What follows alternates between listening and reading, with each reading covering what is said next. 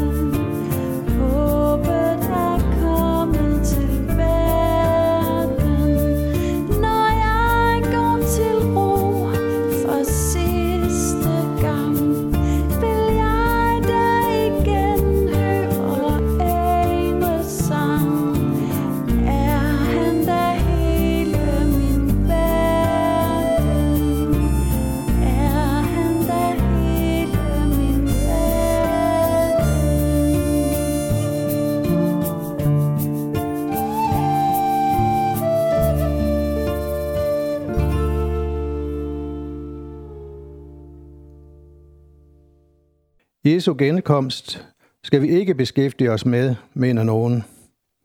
Dermed afskærer de sig fra noget, som er massivt til stede i det meste af Bibelen. I mit arbejde med bogen Han gør alting nyt, som handler om de sidste tider og Jesu genkomst, blev det meget klart for mig, at hvis vi skærer Jesu genkomst ud af vores forventning til fremtiden, så bliver troen handicappet, og vi bliver blinde for rigtig mange af Guds herlige løfter til os. Lad os tage en hurtig skøjtetur gennem Bibelen for at se efter.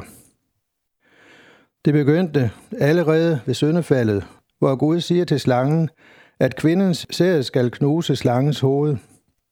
Dette skete, da Jesus døde på korset, men den endelige udslettelse af slangen sker først ved Jesu genkomst.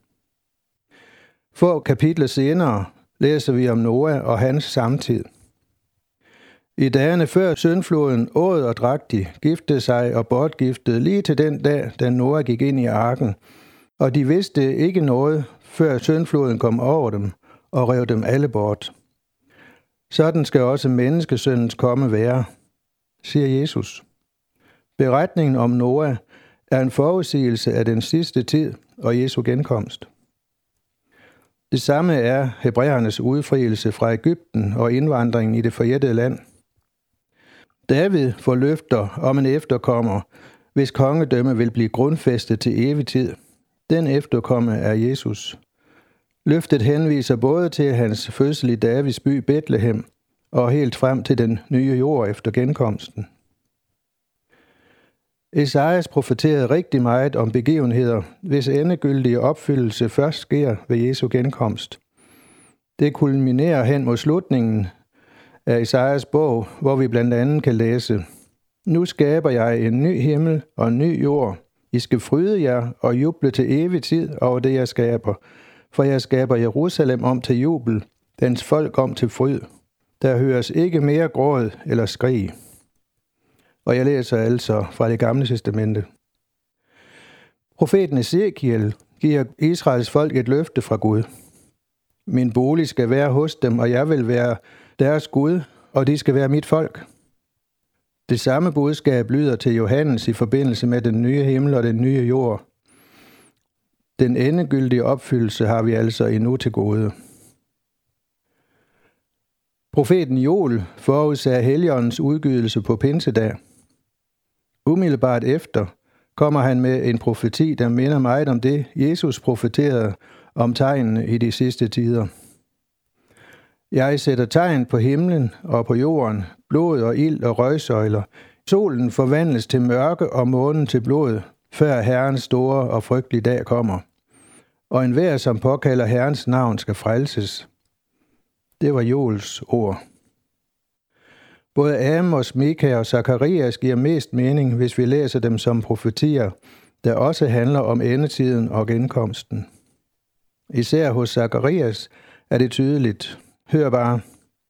Du skal juble og glæde dig, Sions datter, for nu kommer jeg og tager bolig hos dig, siger Herren. På den dag skal mange folkeslag slutte sig til Herren og være mit folk, og jeg tager bolig hos dig. Det lyder som Johannes åbenbaring, men det var Zakarias. I de tre første evangelier er der hele kapitler, som ikke handler om andet end de sidste tider, dommen og Jesu genkomst, og flere af Jesu lignelser handler om det. Johannes skriver ikke lige så direkte, men det er der.